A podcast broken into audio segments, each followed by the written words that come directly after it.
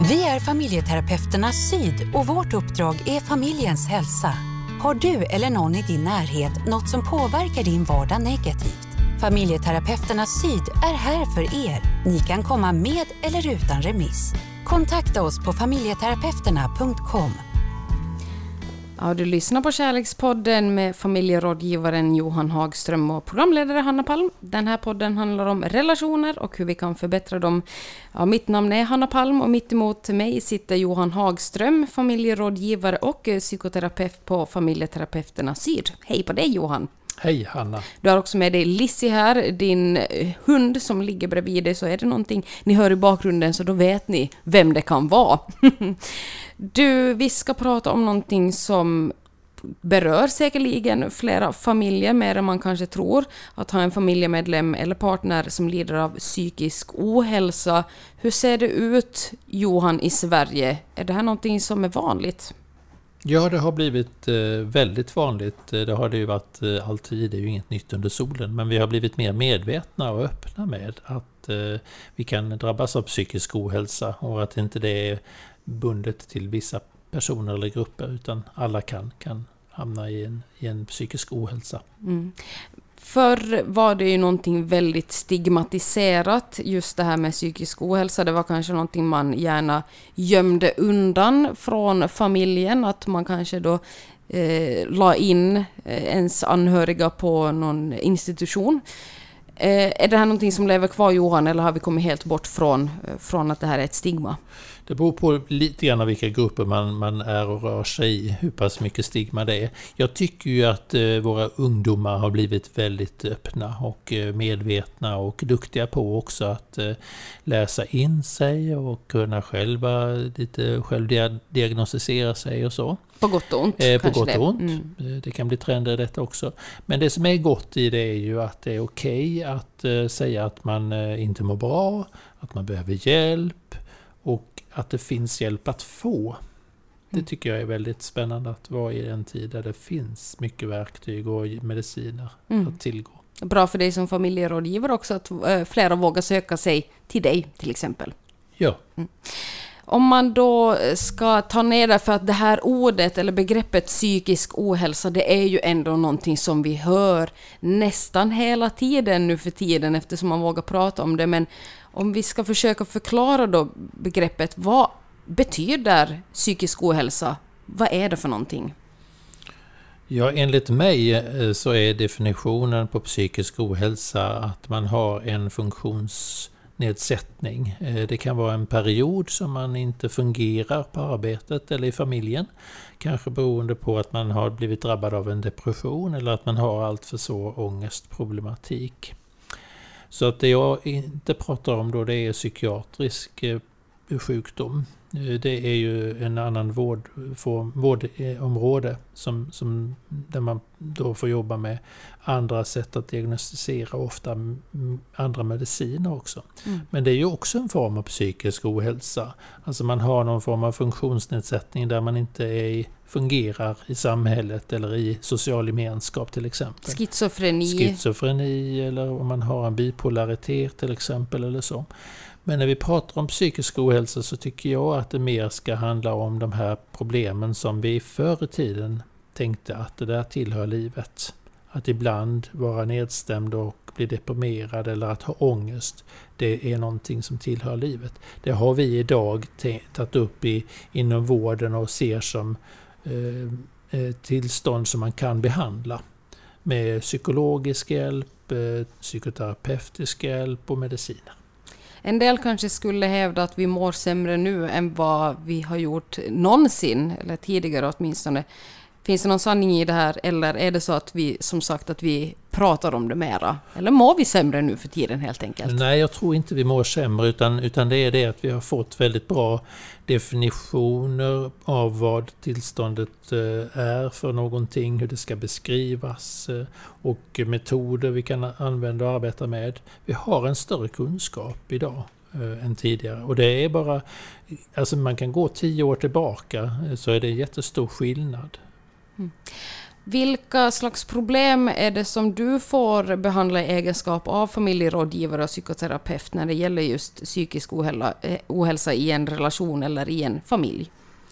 Ja, I den kontext jag arbetar i så får jag inte bedriva eh, behandling inom psyko, psykiatriområdet för att jag, är inte, eh, jag har inte det teamet runt mig. Sen kommer det patienter till mig som har varit hos mig under lång tid som har psykiatrisk problematik men då är det ju så att båda två parter vet om att eh, vi har en behandlar kontakt eh, för att det finns en, en lång historia och att de litar på mig och jag känner mig trygg med den problematiken de har. Men oftast är det så att man kommer till mig när man har samlevnadsproblem och att det kan ställa till det för eh, individen också så att vissa individer kommer själva.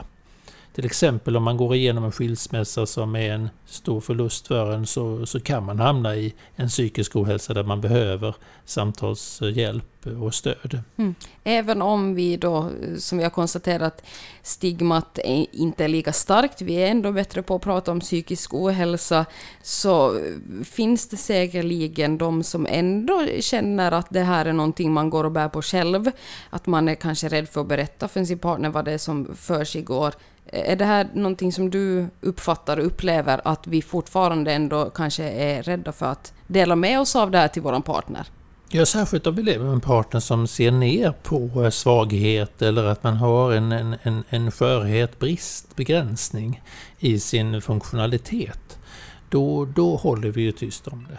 Du lyssnar på Kärlekspodden med familjerådgivaren Johan Hagström och mig som är programledare, Hanna Palm. Den här podden handlar om relationer och hur vi kan förbättra dem.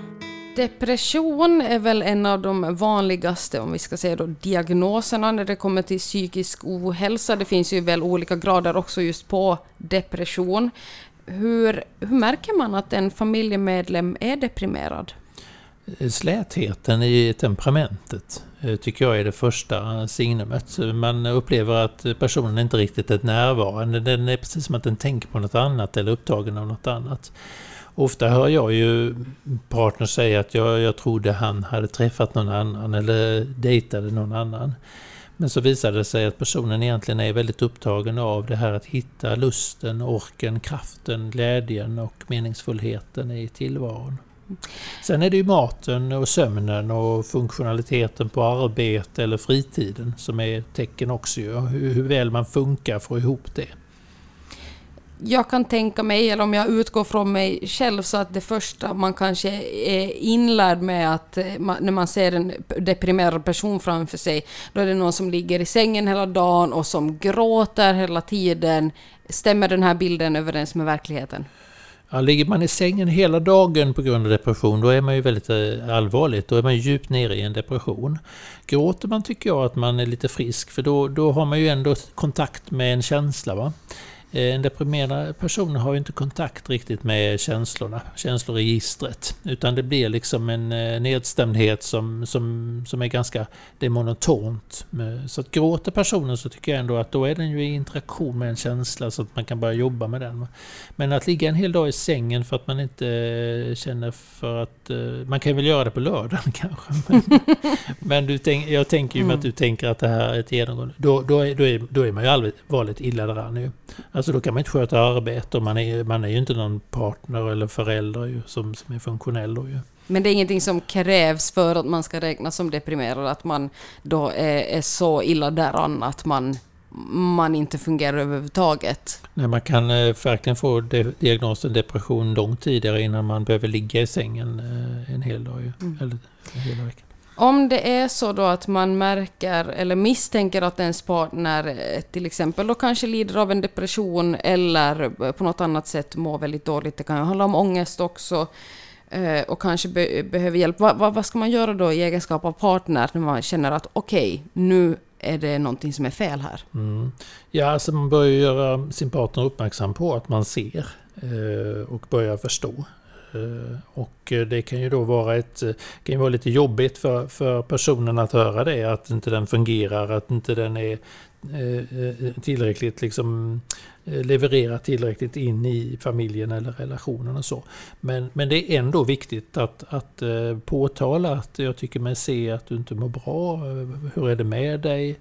Kan vi prata om det? Det här påverkar mig på så vis att jag känner mig orolig, mindre glad, mindre i interaktion med dig. Eh, ska jag hjälpa dig? Man kan också erbjuda ju, vill du ha min hjälp? Ska vi boka en tid hos en doktor eller en psykolog? Mm svårt kanske också att nå fram. Det kan ju finnas en del eh, att man vill förneka det för sig själv också, att nej men jag är inte sjuk, det är ingenting som är fel. Hur mycket ska man tjata tycker du innan man får vara så okej okay, nu tar jag ett steg tillbaka mm. och, eh, och låter det här självinsikten hinna ikapp? Jag tänker så här att det är viktigt att man är väldigt tydlig tidigt för att när man är deprimerad så är man inte riktigt själv medveten om det. Det syns oftast för omgivningen först. Eh, så man behöver faktiskt hjälp från omgivningen som frågar hur är det med dig? Du ser inte så glad ut. Jag tycker att sista tiden att du inte har varit så aktiv och, och sprudlande och engagerad. Och när du är på gymmet så du, du är här och du, du sitter på cykeln och trampar lite men det är inte liksom yes go liksom som det varit innan. Hur är det med dig? Hur mår du? Jag känner mig bekymrad för dig. Och då får man ofta till svar jaså, jaha, jag vet inte, jag tycker inte att det, det, är så annorlunda för mig. Men när du säger det så tänker jag, så börjar jag tänka att jo men det är sant, det var länge sedan jag skrattade.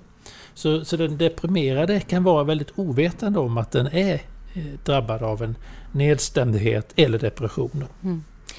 Om man är en av de personerna här i livet som har lite svårt för svaghet, som kanske, jag ska inte säga ser ner på det, men har svårt att hantera det.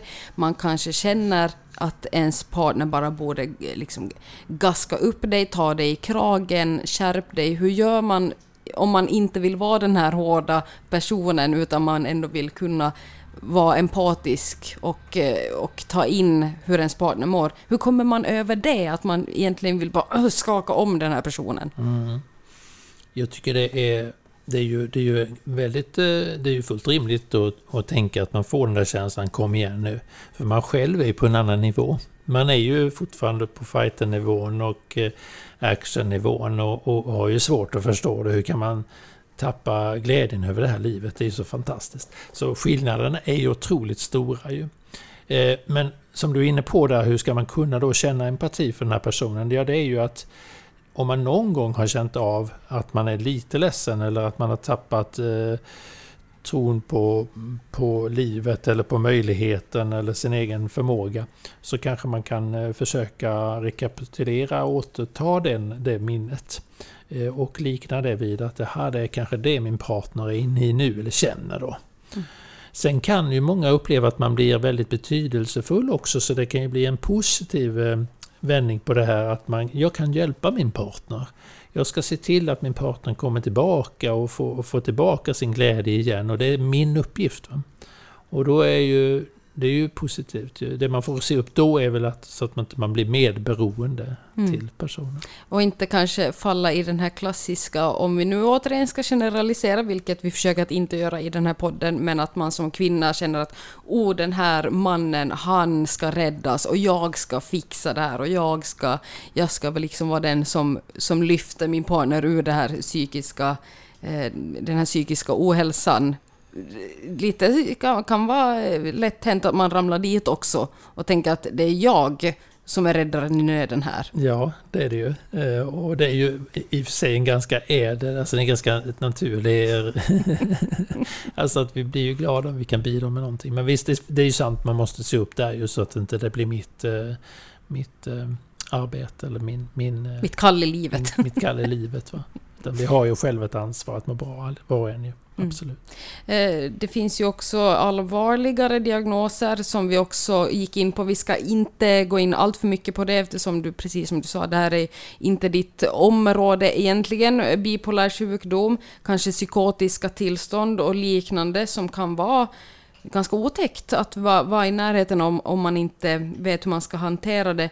Men hur, hur vet man att eh, nu handlar det om en person som är allvarligt akut psykiskt sjuk, hur, hur vet man att okej, okay, nu behövs det verkligen eh, hjälp här och nu? Ja, till exempel om personen upplever att eh, det är någon inne i lägenheten så mattorna börjar gå i vågor och skapa vågor på mattorna. Eller det är någon som, som eh, förföljer mig, eh, det är någon som vill ta livet av mig. Eh, och så kan man inte riktigt härleda eller hitta, liksom, det finns inte ens indicier på att någon vill ta livet av den här personen. Då, då kan man väl säga att man som till och med som lekman kan tänka att den här personen mår inte bra. Paranoia? Paranoida mm. drag. Man, kan mm. ha, man kan också ha föreställningar som är väldigt eh, eh, långt utanför det vi, vi tänker är normalt eller rimligt. Liksom. Och, och då behöver man ju rådgöra med någon som, som, som kanske kan, kan eh, ta in personen och göra en bedömning helt enkelt. Eh, psykiatrin kan göra det, men man kan ju även eh, anlita en, en eh, erfaren, duktig psykolog eller psykoterapeut som kan göra en bedömning där. Men hjälp behövs förmodligen om det är så här akut. Rådgivning, jag brukar, jag brukar många gånger rådge i telefon eller över, över chatt eller mail människor som undrar liksom, hur ska vi göra och så. Det, den servicen har vi hos oss ju. Mm. Eh, och då, då brukar vi ju rekommendera att man, man söker en psykiatrisk konsultation om det är så pass allvarligt. Då. Vi tar ju inte in någon som är psykotisk eller som har vanföreställningar eller lider av någon form av annan psykiatrisk åkomma i behandling förrän det verkligen är konstaterat vad det är för någonting mm. och om det då är okej att behandla med psykologisk eller psykoterapeutisk hjälp. Men kanske kan göra en, eh, ge råd eller göra en bedömning om att okej, okay, ni ni behöver. Ni bör ta kontakt med psyken. Mm. Och om det ska vara så att man till och med akut eh, tar in personen då så att inte den gör illa sig själv eller någon annan ju. Mm. Mm. Att leva med någon som är deprimerad eller då lider av svår ångest kan vara påfrestande. Eh, som vi sa här tidigare att man kanske ja, men ska, ska känna att den som är sjuk ska, ska sluta köpa sig och rycka upp sig. Det är ju en sak, men om man då kanske är den som personligen är deprimerad och får de här tankarna att nu liksom det är jag som är mjäkig, det är jag som tycker synd om mig själv, det är jag som borde rycka upp mig. Är det här produktiva tankar att ha när man mår dåligt, eller hur eh, är det här vanlig, en vanlig problematik som deprimerade personer tampas med? Ja, det är det. Man hör, får ju ofta höra att ah, kom igen nu, ryck upp det för helvete. Du kan ju inte gå omkring så här i, i, i längre ju. Det har ju gått flera månader nu. Alltså det, det är ju många personer som berättar om hur, hur förfärligt det är att få det. Så det sista man ska säga till den som är deprimerad det är ju att rycka upp dig. Mm. Eh, men, men det man kan säga, och, och, kan jag göra någonting för det? Jag ser att du har det eländigt just nu. Mm. Då tar man inte från personen ansvaret men, och man lyfter inte av och säger att eh, det här blir bra. Men man, man erbjuder, man, man, man visar på, på ett empatiskt sätt att man ser också, man bekräftar att jag ser att du har det eländigt. Om jag kan göra någonting för det så, så vill jag gärna göra det om jag kan. Mm. Och även om man då personligen är den som är deprimerad, även om man inte får det gehöret från sin partner, att man ändå ska hitta styrka, men jag behöver väl, verkligen ha hjälp, det är inte jag som är svag och tycker synd om mig själv. Det kan ju också vara väldigt svårt om man inte har en partner som är stöttande i det, att hitta den styrkan inom sig själv. Hur ska man göra då? Om man har en partner som inte ger en, eh, ger en det gehöret som man behöver, om man själv mår psykiskt dåligt. Mm. Ja, det man behöver göra är att man, man inom sig åtminstone tänker att eh, eh, jag förlåter dig för du, jag inser att du inte förstår till fullo eh, situationen. Så att man inte blir bitter över detta själv då, för det drabbar ju bara mig själv. Sen får man väl försöka eh, lägga fram lite broschyrer från om vad depression är på bordet, bordet och eh, hänvisa till lite artiklar och sådär. Mm. Eh, ibland kanske man inte kan prata heller med sin partner om det här. För om det är en partner då som inte har förståelse, då får man ju söka någon annan samtalspart kring just detta. Då. Mm. Ens eh, kärlekspartner kan kanske inte vara allt för en hela tiden. Precis. Du lyssnar på Kärlekspodden med familjerådgivaren Johan Hagström och mig som är programledare Hanna Palm. Den här podden handlar om relationer och hur vi kan förbättra dem. Vi ska prata om barnen nu och hur deras roll ser ut i en familj med psykisk ohälsa. Hur duktiga är barn på att snappa upp det här med när till exempel en förälder mår dåligt? Ja, jag, tycker, jag tycker barnen de, de har ju inget filter så de är ju de som väldigt snabbt ser och är störiga då. Alltså det, barn påkallar ju uppmärksamheten eh, om inte den finns där. Genom att själva bli stökiga eller Eh, välta ner tallriken från bordet, eh, kasta mat på väggarna. Små barn, man ser ju hur de använder alla eh, otillåtna medel. Till exempel det här att kladda och, och, och, föra väsen och skrika och så. Det Vad trotsiga som kanske ett, ett ord många föräldrar väljer att använda. Det, det, kan absolut vara, vara, vara det vi tänker och säger barnet egentligen påkallar det verkligen liksom uppmärksamhet och, och få sitt behov tillgodosett. Ja. Så barn är ju egentligen, eh, man kan ju egentligen titta lite grann på hur ens barn har det, hur de mår, hur de beter sig. Eh, för att eh, det kan ju vara ett sätt att ta tempen på, på hur man har det i familjen. Är det så att det är till och med väldigt små barn som kan känna av de här nyanserna? Oh ja. Man tänker ju ofta att om, om ett barn inte kan prata, hur mycket kan de hänga med i så fall? Ja, alltså det, det, det, ju yngre barnet är desto mindre filter och eh, mer, spegl, mer, desto mer spegling blir de ju av hur, hur, hur föräldrarna har det och mår. Så. Vilken press det kan vara kan jag tänka mig om man som förälder mår dåligt och har ett litet barn och tänker att nu kommer det här också påverka mitt barn negativt. Mm. Hur jobbar man kring de känslorna? Om man känner att jag vill åtminstone inte, även om jag mår dåligt så vill jag inte skada mitt barn. Mm. Där, där är det viktigt att söka hjälp, tänker jag. Ju. Alltså att få stöd. Det finns ju mycket stöd idag att få i, i mamma-barn eh, relationen. Det här med anknytning och eh, förlossningsdepressioner eller om man själv har en historia, kanske biologiskt också, tillbaka kring depressivitet eh, eller ångestproblematik. Att eh, man kan få hjälp, stöd i att bli förälder. Många föräldragrupper som inte är riktade specifikt kanske till, till en målgrupp så eh, vill ju hjälpa till det här med att bli förälder. Det är i sig en påfrestning. Så att sök hjälp, ta hjälp Eh, och försök att inte se det som ett nederlag eller att man är dålig förälder utan att man istället tvärtom är en väldigt ansvarstagande förälder och duktig förälder som, som ser till att få hjälp med det som man inte är så bra på själv. Mm. Vi pratar en del om hur det är när en förälder i en familj mår dåligt.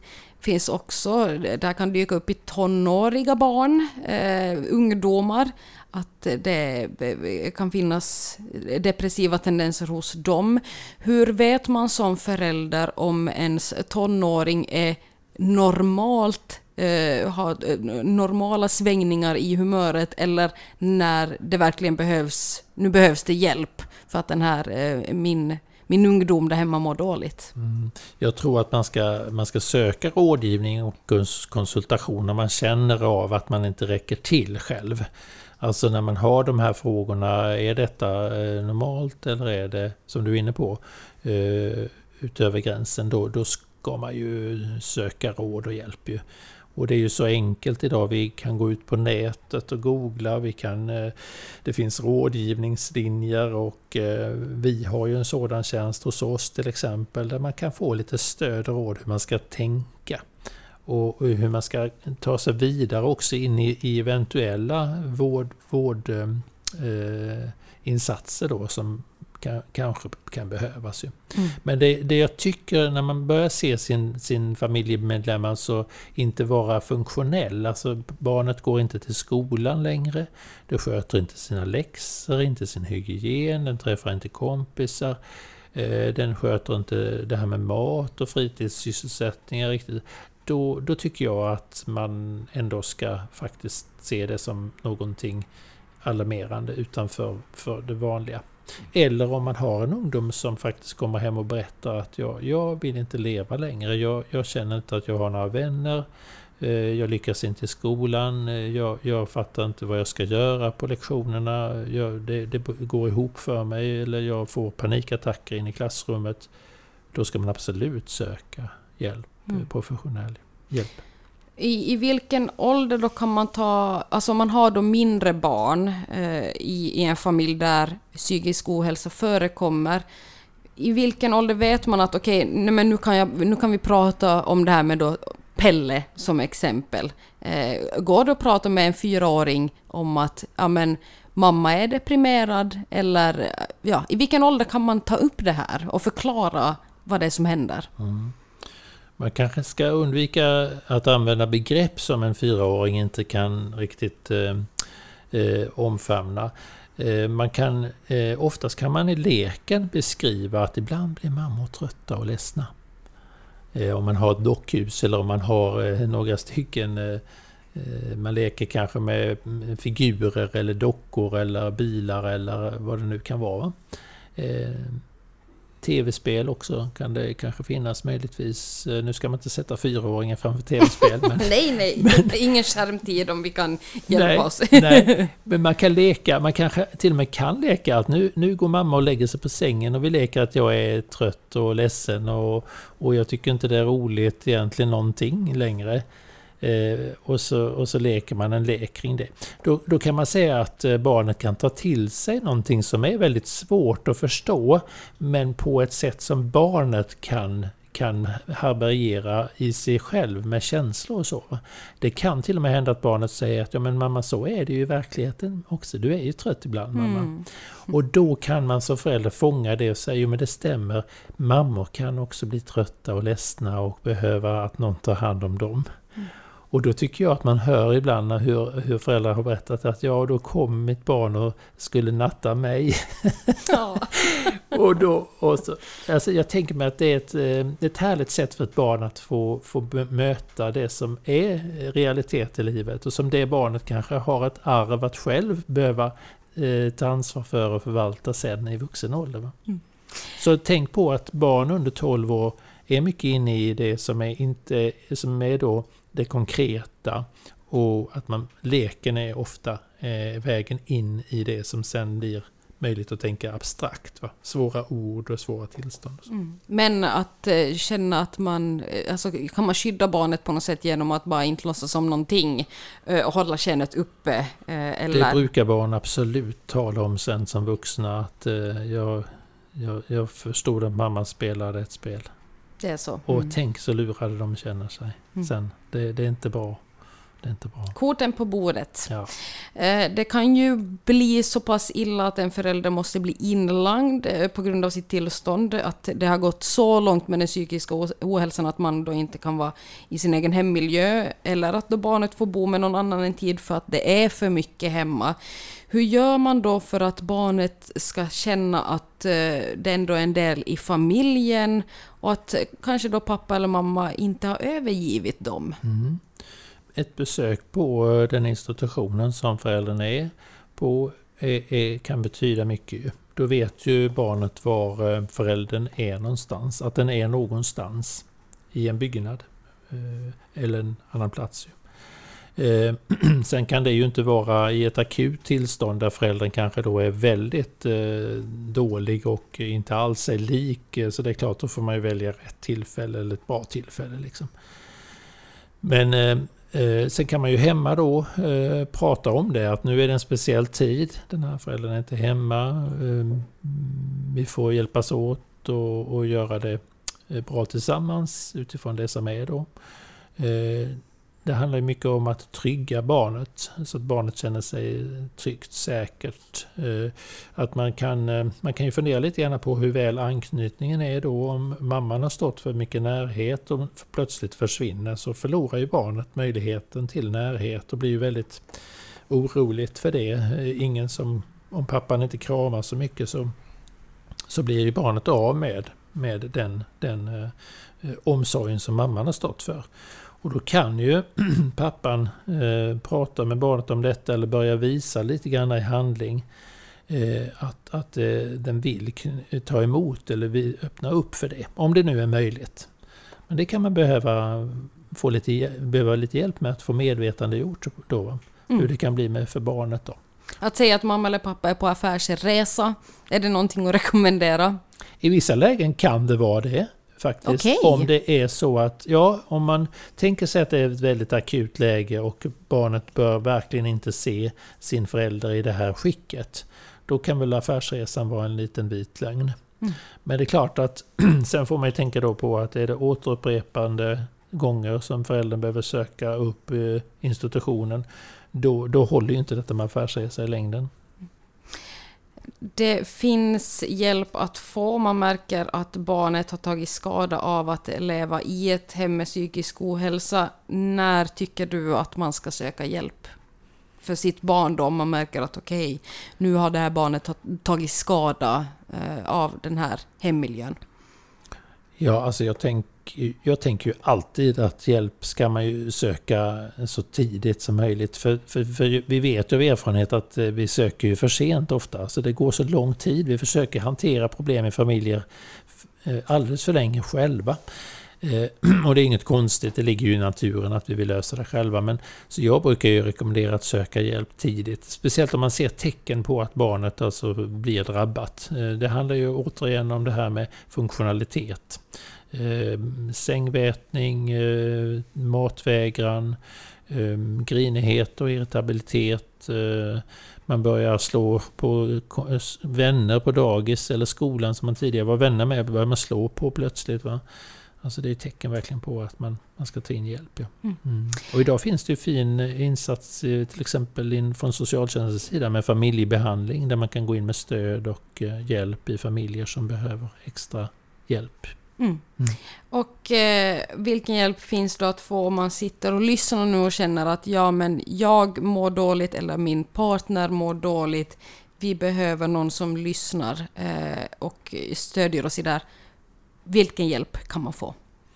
Eh, man kan ju få familjerådgivning till exempel där man får stöd och råd eh, utifrån de problemen som, som man har. Barn och ungdomspsykiatrin har också, eh, erbjuder också föräldrastöd när det gäller att lära sig om sitt barns diagnos och vad det innebär i förändring i livsföring och beteenderepertoar. Eh, och även, eh, man kan också söka hjälp i form av, som jag nämnde innan, då, familjebehandling. Alltså då är ju hjälpen oftast hemma, inne i familjesystemet. Mm. Men familjerådgivning och eh, föräldrastöd och en, en coachning i hemmet. Det är fin hjälp, tycker jag, till en familj. Som vi har sagt tidigare, hjälp finns att få. Tack så mycket för den här gången. Johan, vi hörs snart igen och eh, som vi tidigare har berättat så kan man ju höra av sig till oss om det är så att man har några frågor eller kanske har tips och önskemål på ämnen som man vill att vi ska ta upp. Vart hör man av sig? Då tycker jag man ska mejla till oss på eh, mejladressen info familjeterapeuterna.com. Vi är familjeterapeuterna Syd och vårt uppdrag är familjens hälsa. Har du eller någon i din närhet något som påverkar din vardag negativt? Familjeterapeuterna Syd är här för er. Ni kan komma med eller utan remiss. Kontakta oss på familjeterapeuterna.com